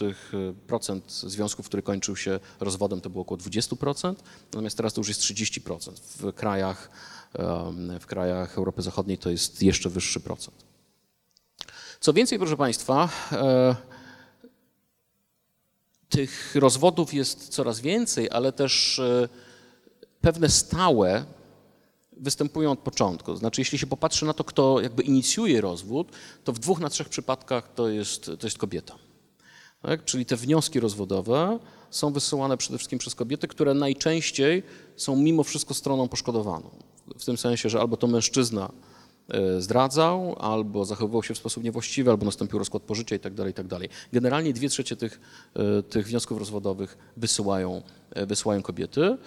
Tutaj macie Państwo jeszcze statystyki dotyczące momentu, w którym te rozwody następują. W 2013 roku taki statystyczny rozwiedziony mężczyzna miał 40-41 lat, kobiety było około 2 lata młodsze. Jeśli się popatrzy na dynamikę związków, to okazuje się, że są dwa główne momenty, w których ludzie się rozstają. Pierwszy to jest około 3 lata po rozpoczęciu związku, Drugi to jest około 7-8 lat, kiedy następuje pewien problem i 10 lat, kiedy e, ludzie podejmują decyzję o rozstaniu. To są te najtrudniejsze momenty. Czyli jak to mi kiedyś, okej, okay, to dygresja z życia osobistego. Z moją żoną mamy taki układ, że jak nas zatrzymuje policja, e, to ona zaczyna na mnie krzyczeć. To jest taka strategia na policjanta. I ona się wydziera potwornie głośno i ten policjant dostaje taką bombę akustyczną, jak otwieram, otwieram drzwi Zazwyczaj jakoś jest tak, że ja prowadzę, moja żona siedzi obok. I po jakimś czasie on zaczyna mówić, wie, wie, pani, nie było tak źle. No ja wiem wtedy, że wygrałem, prawda, że, że, że on już albo mi tego mandatu nie wypisze, albo wypisze zdecydowanie niższy. I kiedyś tak mnie wziął na bok, kiedy moja żona właśnie tam krzyczała na mnie i tak na boku zapytał, panie, ile pan jest po ślubie? Ja wtedy byłem akurat rzeczywiście trzy lata po ślubie i mówię, no trzy lata. Mówi policjant, wie pan, najgorsze pierwsze 10, później pan przywyknie. Więc zauważcie Państwo, że takie nawiązanie pewnego, pewnej relacji męskiej to też był sposób na, e, na zapłacenie mniejszego mandatu. Proszę Państwa, i teraz dochodzimy do kwestii odrzucenia, czyli do kwestii, w której to nie my decydujemy, tylko wydarza się coś, co sprawia, że to my jesteśmy osobą odrzuconą, porzuconą. Nasze uczucie jest odtrącone. Gdybyśmy spojrzeli na to z perspektywy bardzo biologicznej, nawet biochemicznej, to moglibyśmy powiedzieć, że odrzucenie to jest po prostu ból. Bo ten sam ośrodek, który odpowiada za fizyczny ból, to jest ten sam ośrodek, który jest pobudzany wtedy, kiedy jesteśmy odrzuceni. To jest tak zwane ACC, czyli przednia kora zakrętu obręczy. Tutaj macie Państwo zdjęcie, które pokazuje, gdzie to się znajduje w naszym mózgu. Czyli gdybyśmy zrobili badania natury neurologicznej, to w momencie, w którym człowieka boli fizycznie i boli psychicznie, to boli to samo. Czyli ten ośrodek jest dokładnie w tym samym, w tym samym miejscu. Co to oznacza, proszę Państwa? To oznacza, że odrzucenie będzie nas bolało dokładnie tak samo jak złamanie nogi, rozcięcie fizyczne itd. Tak itd. Skąd wiemy? Otóż e, Nancy Eisenberger zrobiła takie badania, w których ludzie grali w grę, która się nazywała Cyberball. Gra polegała na tym, że człowiek wchodził do takiej wirtualnej rzeczywistości, był informowany, że tam jest z dwoma innymi osobami w tej wirtualnej rzeczywistości i mieli, mieli sobie ci ludzie rzucać piłkę. Po prostu się bawić piłką. Ale w którymś momencie okazywało się, że ten nasz rzeczywisty badany jest pomijany przez pozostałe osoby, które rzucają piłkę tylko pomiędzy sobą, a on doświadczał czegoś, co można by nazwać ostracyzmem. I okazywało się, że osoby, które były podłączone w tym czasie do, e, do tomografu komputerowego, odczuwały fizyczny ból. Dokładnie taki sam, jak odczuwają osoby, które są odrzucone, którym ktoś powiedział nie, nie chcecie, nie będę z tobą. Z jakichś powodów już jesteś mi obcą osobą. Jesteś obcy, jesteś obcy. Jak można sobie z, z tym stanem poradzić? No, jeśli schodzimy na taki poziom bardzo, e, bardzo podstawowy, jeśli chodzi o myślenie, czyli taki biochemiczny, no to możemy sobie powiedzieć, że skoro ból jest taki sam, skoro jego natura jest bardzo podobna, to może leczyć go tak samo jak ból głowy. No, jeśli człowieka potwornie boli głowa, to po prostu bierze tabletę i mu po jakimś czasie przechodzi. No może w taki sposób. Rzeczywiście okazuje się, że opiaty pomagają. Czyli jeśli mamy ból związany z odrzuceniem, to przyjęcie odpowiedniej dawki różnego rodzaju czynników stymulujących pomaga sobie z tym bólem poradzić. To mogą być opiaty, to może być alkohol. Stefan Kisielewski kiedyś był zapytany o to, dlaczego tyle pije. Odpowiedział, że, no, pan, że rzeczywistość jest taka, jaka jest. No. A co, po alkoholu lepsza? Nie, ale wymagania mniejsze. I coś w tym jest. Tak? Czy nasze wymagania stają się odrobinę inne? Oczywiście to nie jest y, sposób, który byśmy polecali, ale zauważcie Państwo, że z całą pewnością jest on skuteczny. Wariant B. No, skoro pomagają dopaminy, to może sobie tych dopamin dostarczyć, po prostu raz jeszcze się zakochując. Zauważcie Państwo, że osoby, które zostały porzucone, mają tendencję do natychmiastowego wchodzenia w jakiś inny związek po to, żeby się upewnić, że wszystko jest ze mną w porządku. Dlaczego? Zakochuję się, mam dopaminy po raz kolejny, znowu jestem w stanie przynosić góry. Znowu wszystko jest w porządku. No problem tylko w tym, że związki w taki sposób zawierane znowu mają tendencję do szybkiego kończenia się. Ale nasz mózg ma dosyć specyficzną zdolność do uczenia się pewnych wzorców zachowania. Jeżeli my się nauczymy, że ciągłe zakochiwanie się przynosi chwilową ulgę, to jesteśmy w stanie tak samo jak uzależnić się od alkoholu, od opiatów, tak samo uzależnić się od kolejnych związków. No bo jest tak fajnie. Bo przecież on, ona daje mi to, czego ja teraz tak bardzo potrzebuję. Potrzebuję dopamin. No i kolejny wariant, czyli znowu dopaminy, e, ale szukanie w trochę innych obszarach. Czyli w sporcie, w aktywności fizycznej, Zauważcie Państwo, że zwłaszcza kobiety, za chwilę powiem dlaczego akurat kobiety, ale zwłaszcza kobiety po nieudanych związkach mają tendencję do natychmiastowego wykupywania karnetów na siłownię. Z dwóch przyczyn. Po pierwsze dlatego, że znowu praca na rzecz własnej aktywności fizycznej jest nagradzająca, a po drugie sama aktywność fizyczna przynosi dopaminy. Wykonanie pewnego zestawu ciężkich ćwiczeń fizycznych daje nam poczucie nagrody. Oczywiście to mogą być nagrody płynące z otoczenia, kiedy koleżanki i koledzy mówią, ach, świetnie się trzymasz, jesteś taki fajny, jesteś, jesteś w porządku, ty to potrafisz. Prawda? No i oczywiście różnego rodzaju sukcesy zawodowe, które także są elementem nagradzającym. Ważna uwaga, proszę Państwa, jeśli chodzi o różnice pomiędzy kobietami i mężczyznami, e, to ciało migdałowate, które jest pewnym moderatorem przenoszenia tych bodźców, ciało migdałowate u kobiet ma około 25% więcej receptorów endorfin. Czyli nie chcę wchodzić znowu teraz w, w, w fizjologię i, i, anatomię mózgu, ale generalnie rzecz ujmując, u kobiet te procesy są zwielokrotnione. Tak? Czyli zarówno poszukiwanie dopamin, e, jak i późniejsze radzenie sobie z e, brakiem tych dopamin. Proszę Państwa, finalizujemy już trochę nasze nasze rozważania miłości. Ten człowiek, którego widzicie po prawej, to jest Jan Lechoń, e, właściwie Leszek Serafinowicz, jeden z członków Skamandra, e, który pokazuje, że to nie tylko kobiet dotyczy. Jest taki wspaniały wiersz z cytatem, który ja bardzo lubię, który pokazuje to właśnie głębokie poczucie pustki i odrzucenia, kiedy Lechoń pisze, jest tylko Beatrycze i właśnie jej nie ma.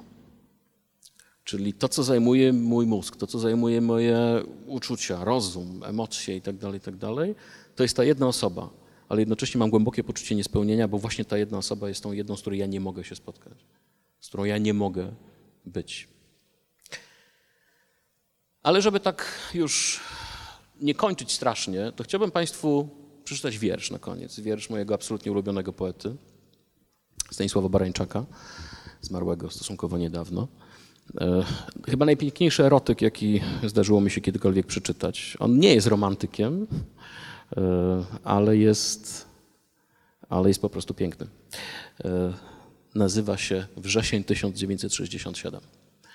I jakim prawem mieliśmy w sobie aż tyle nieprzezorności, aby w bezsennym przedziale spędzić noc, wysiąść, drżąc z zimna i znaleźć między dnem szarych chmur a warstwą rudych szpilek śliski od mrzawki, pusty po sezonie kemping – garść słupów do siatkówki i sklejkowych ruder, za którymi grzmiało morze.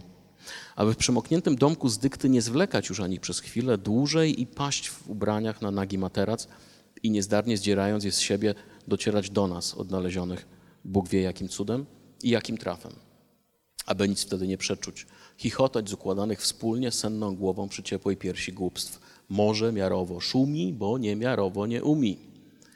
Pod wieczór czuć nadal w ciele słony, dziki, jednostajny rytm fal, które zbijały z nóg spienionym światłem i zmieszanym z piaskiem, żwirem i wodorostami. I ten rytm naśladować w spieszniejszym narzeczu dwojga ciał, aby wargi, błodzące powoli plażą skóry, trafiły na kryształki soli z morza, z potu, nie wiedząc jeszcze jakim wiatrem. I jakim trwaniem będą zdmuchnięte, spłukane, aby języki dwa bez skutku, ale czule chciały się spleść, przytrzymać nawzajem. Nie ulec sygnałowi z latarni morskiej, gdy nad ranem buczał przez mgłę. Na znak, że wszystko ma swój brzeg.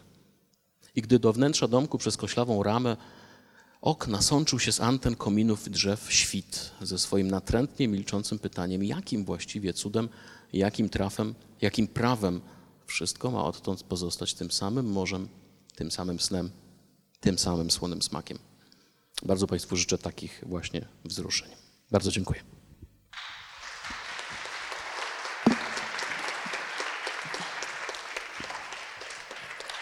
Zdaje się, że teraz mamy chwilę na jakieś ewentualne pytania, gdyby się takie pojawiły.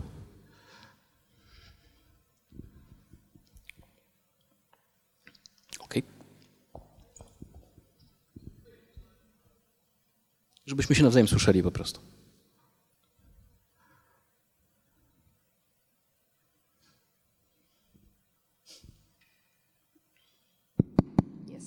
E, powiedział Pan, że e, kobiety zasadniczo generalnie poszukują mężczyzn inteligentnych. Można to tak z grubsza powiedzieć. E, to zależy do czego znowu? No powiedzmy do długotrwałego związku, tak? Tak, tak ujmijmy to w uproszczeniu. A wydaje mi się, że jest taki stereotyp, że w przypadku kobiet to działa odwrotnie, że mężczyźni raczej obawiają się inteligentnych kobiet i jest to cecha negatywna. Czy pan to potwierdza, czy jakieś badania są na ten temat? Rzeczywiście sygnały, które świadczą o jakiejkolwiek przewadze kobiety nad mężczyzną, są dla mężczyzn znowu generalnie odstręczające. Tak? Bo jeżeli inteligencja jest predyktorem późniejszego sukcesu życiowego, a istotnie tak jest, to inteligentna kobieta może okazać się być bardziej generująca sukces niż mężczyzna.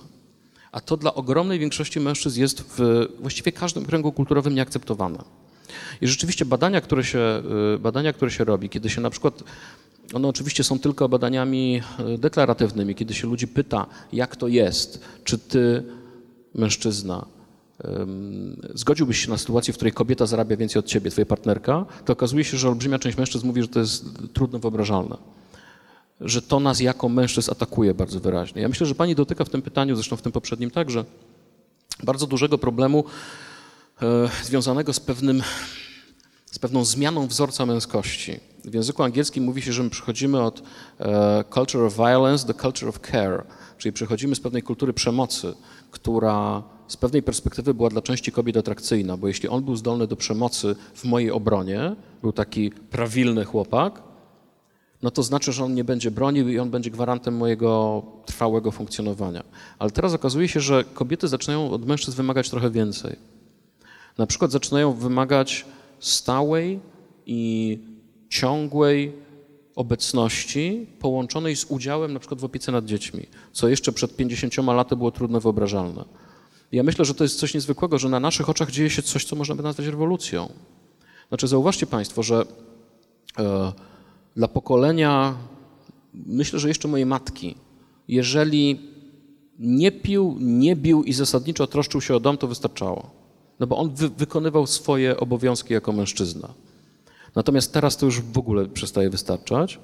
Jeśli, proszę mi nie posądzić o jakieś podlizywanie się kobietom tutaj w tym momencie, ale myślę, że kobiety mają generalny problem teraz z odnalezieniem partnerów.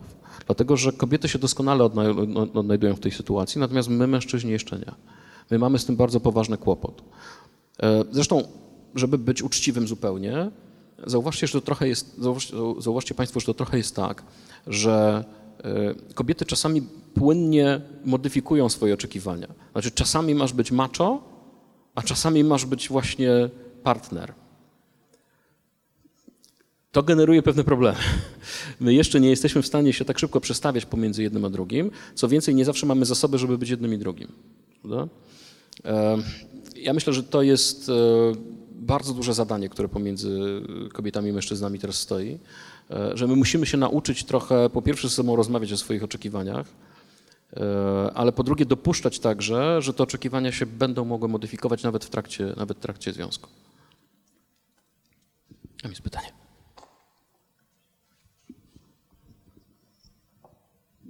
Raz. Okay.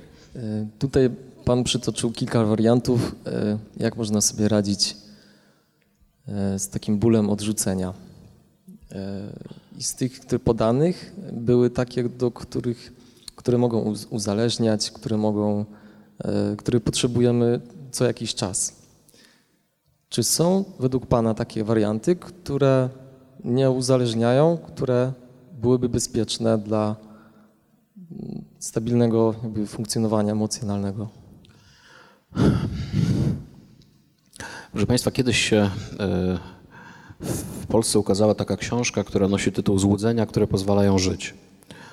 E, ja myślę, że to trochę, trochę tak jest. To znaczy, to co nam, e, to co nam to, co mi przychodzi do głowy jako racjonalne podejście do tej sprawy, to jest coś, co się w języku psychologii nazywa RTZ, czyli racjonalna terapia zachowania, czyli zupełnie racjonalne spojrzenie na własne życie. Dlaczego do tego rozstania doszło? Dlaczego zostałem odrzucony? Dlaczego zostałam odrzucona? Co takiego jest we mnie, co sprawiło, że to się wydarzyło? i tak dalej, i tak dalej. Ale zauważcie Państwo, że to jest pewnego rodzaju wiwisekcja, którą musimy sobie wykonać. Wiwisekcja, którą musimy wykonać na sobie, no i sekcja tego związku, który właśnie się, który właśnie się zakończył. Problem tylko w tym, że gdybyśmy podchodzili do wszystkiego zupełnie racjonalnie, gdybyśmy chcieli to wszystko z takiego bardzo racjonalnego punktu widzenia rozpatrywać, to wtedy najprawdopodobniej mieliśmy problem z takim regularnym funkcjonowaniem. Kiedyś uznawano za zdrowie psychiczne. Ja nie jestem specjalistą w psychologii klinicznej, więc teraz mogę mówić pewne, e, pewne herezje, ale, ale, ale jeśli dobrze pamiętam swój kurs jeszcze z podstaw psychologii, to właśnie tak to wyglądało. Kiedyś uznawano za zdrowie psychiczne sytuację, w której ktoś racjonalnie szacuje szanse wystąpienia pewnych zjawisk w swoim życiu. Sukcesu, porażki itd., tak itd. Otóż teraz jest to z grubsza definicja depresji. No bo gdybyśmy w ten sposób traktowali zupełnie racjonalne, szacowali prawdopodobieństwo i tak dalej, i tak dalej, no to świat, który byłby dookoła, dookoła nas, byłby traktowany jako tak strasznie zagrażający i tak strasznie niebezpieczny, że w ogóle nie chcielibyśmy w nim uczestniczyć. Więc to, co powinniśmy sobie dawkować, to pewne umiejętne złudzenie. Ja nie mam sensownej odpowiedzi na to pytanie, e, bo gdybym miał, to prawdopodobnie e, nie byłoby nieszczęśliwych ludzi na świecie, tak? Bo, bo no, Wtedy mogłoby się okazać, że jednak z tej psychologii można Nobla dostać.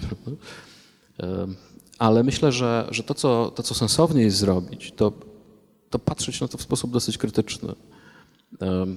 Ja nie wiem, czy Państwo znają taką koncepcję dwóch połówek pomarańczy. Tak? Że, że ludzie łączą się w taki oto sposób, że mamy dwie połówki pomarańczy i muszą być idealnie dopasowani, dopiero wtedy są ze sobą szczęśliwi. Są takie koncepcje, które mówią, że przeciwieństwa się przyciągają, prawda? E, wychodzi na to z wszystkich badań, że generalnie jednak to nie jest tak z tymi przeciwieństwami, że jednak szukamy ludzi dosyć podobnych do siebie.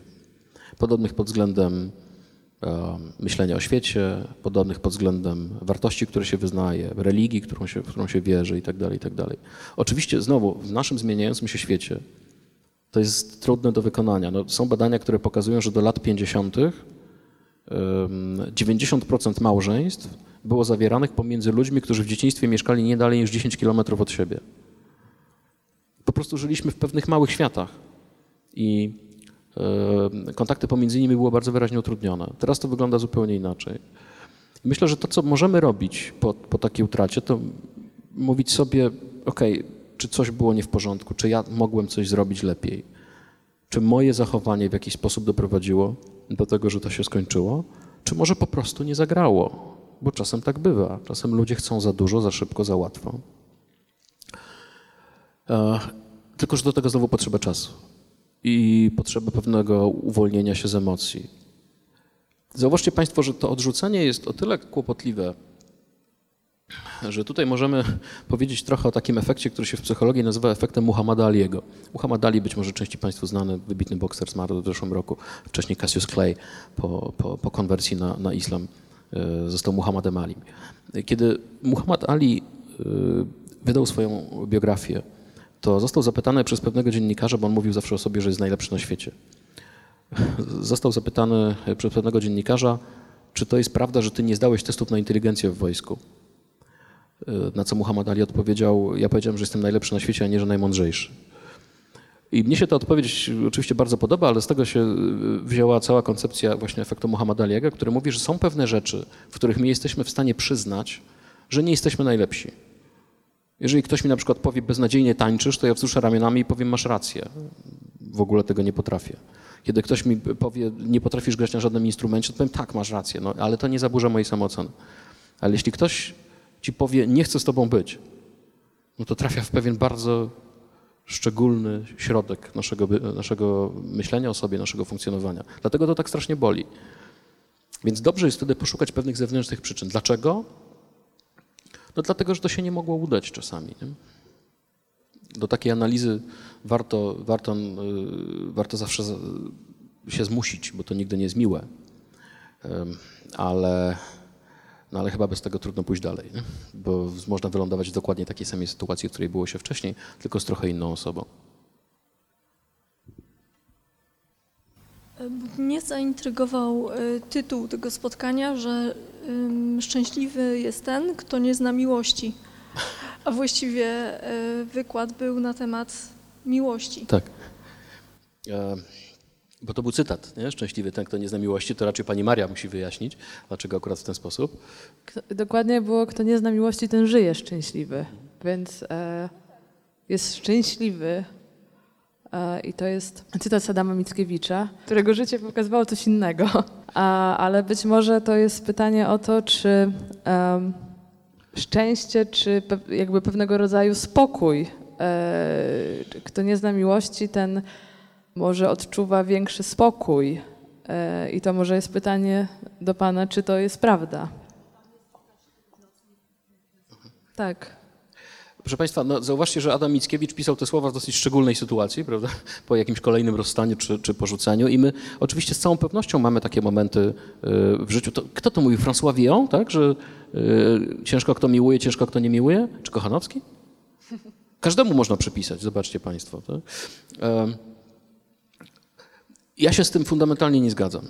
To znaczy, ja się fundamentalnie nie zgadzam ze stwierdzeniem, że kto, kto nie kocha, ten żyje szczęśliwie. E, no bo wchodzimy już takie na, bardzo, na, takie bardzo osobiste rzeczy. Ja sobie życia bez uczucia nie wyobrażam. Tak? No, bo, no, no bo jak? Ale wyobrażam sobie, że są takie momenty w życiu, w którym można coś takiego napisać. Wyobrażam sobie, że są takie chwile w życiu, gdzie można powiedzieć, e, nie było warto.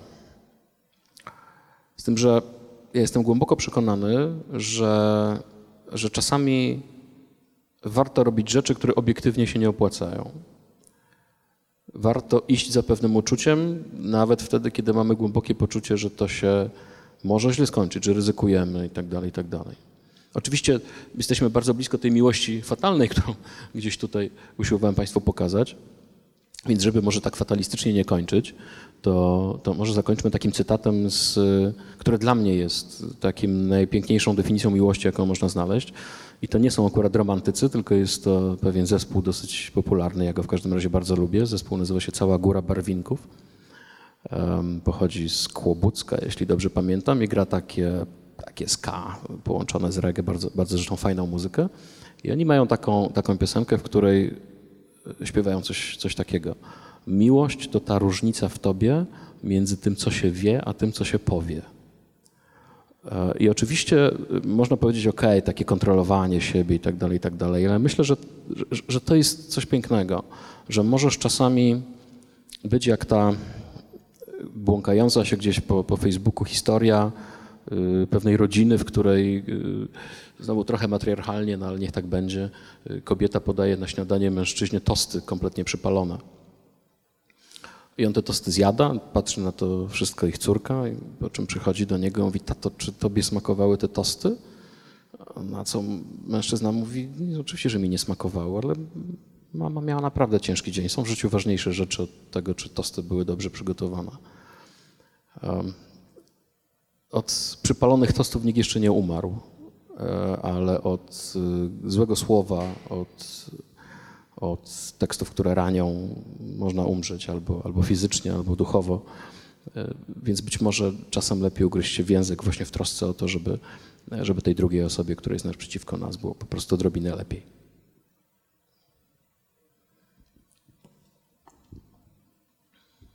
To nie jest pytanie tylko tak, jak się nazywał ten cykl, że ci współcześni romantycy, mm, żeby tak to ująć ładnie, bo najczęściej jest tak, że jeżeli poznajemy nową osobę, to mamy z nią pozytywne emocje, nawet jak nie wiążemy z niej jakieś relacje. Ale najczęściej jest tak, że to mężczyźni zakochują się szybciej od kobiet i takie moje pytanie, to tak dziwnie zabrzmi, jak się leczyć przed tym, żeby z każdą poznaną nową osobą nie kojarzyć sobie z nią jako partnera, partnerki, jako związek, bo myślałem, że też dowiem się takie pytanie, No, można brać brom na przykład. E, nie, no zu, zupełnie serio mówiąc. E, rzeczywiście jest tak, ma pan rację. To nawet nie chodzi o zakochiwanie się, ale mężczyźni mają niebywale łatwą, e, niebywa, niebywale dużą łatwość w, interpretowaniu sytuacji w kategoriach erotycznych. To znaczy coś, co kobieta uznaje za absolutnie normalny gest, my jesteśmy w stanie zinterpretować kocha mnie. Tak? Ja myślę, że tutaj nie ma lepszego, e, e, lepszego sposobu na radzenie sobie z tym, niż ciągłe przypominanie sobie spokojnie, spokojnie. Jest różnica, tak? To, co się w tobie teraz dzieje, to jest dowód na to, jak cię natura ukształtowała. Bo z ewolucyjnego punktu widzenia było ważne, żeby mężczyzna był zawsze gotów do reprodukcji, prawda? E, Ja nie będę już wchodził w takie, w takie detale. No, oczywiście jest ta teoria samolubnego genu, którą, którą Richard Dawkins e, kilkadziesiąt lat temu zapoczątkował i rzeczywiście jest to dosyć ciekawy sposób rozumowania. Natomiast e, szybka wymiana genów, tak, czyli sukces reprodukcyjny, który osiągał mężczyzna, no był ważny nawet z perspektywy zdrowia społecznego. Są takie ciekawe, zróbcie Państwo sobie sami takie, takie, takie badania. Jak pojedziecie do jakiegoś miasta, które jest miastem, gdzie się dużo ludzi wymienia, jest dużo, na przykład wrocławianki są piękne. Dlaczego? Ano dlatego, że przez to miasto się po prostu wiatr historii przewalał z miejsca na miejsce. Dlatego, że to jest miejsce, gdzie przyjeżdża cała masa studentów. Że, dlatego, że te geny się ciągle mieszają i rodzą się po prostu piękni, piękni ludzie. E, Tak jest w miastach portowych. Tak jest w dużych miastach, gdzie następują duże wymiany ludzi. Ale są na przykład badania w takich małych wioseczkach, y, na przykład, gdzie warunki geograficzne sprawiają, że ludzie się słabo mieszają, że od iluś tam pokoleń występuje chów wsobny. Są takie miasta, no nie wiem dlaczego akurat w Niemczech robiono takie badania, ale okej. E, I są takie, bada- są takie wioseczki w górach alpejskich, gdzie po prostu są niewyobrażalnie brzydcy ludzie. No właśnie dlatego, że nie ma, nie ma dostępu świeżych genów. Ja pochodzę z Opolszczyzny, e, nie podam nazwy miejscowości, e, ale jest taka, jeśli Państwo znacie historię tamtych ziem, to wiecie, że, że to była bardzo specyficzna historia po II wojnie światowej. To znaczy niektóre wsie zostały wysiedlone, niektóre zostały i okazało się, że są takie wioski, e, które były otoczone przez Polaków, a została wioska niemiecka. Nie? Znaczy, zostali mieszkańcy z, dawnych terenów niemieckich, a były otoczone przez Polaków. Y, Nie chcę Państwa wprowadzać w jakieś takie y, waśnie, ale rzeczywiście by, by były Hanysy i Hadziaje, prawda? No i Hanysy z Hadziajami się w ogóle nie krzyżowali. I teraz okazywało się, że jeśli Hanysy pozostały w tym samym miejscu, no to już od pewnej, pe- pewnego czasu mamy chów wsobny. Tak? I okazuje się, że są wyraźne różnice atrakcyjności fizycznej u, u niektórych osób pochodzących z danych miejscowości. Więc to, że Pan jest zawsze gotów, przepraszam za sformułowanie, to z ewolucyjnego punktu widzenia się opłaca. Ale czy to z Pana perspektywy się opłaca, to, to już musi sam Pan sobie odpowiedzieć na to pytanie.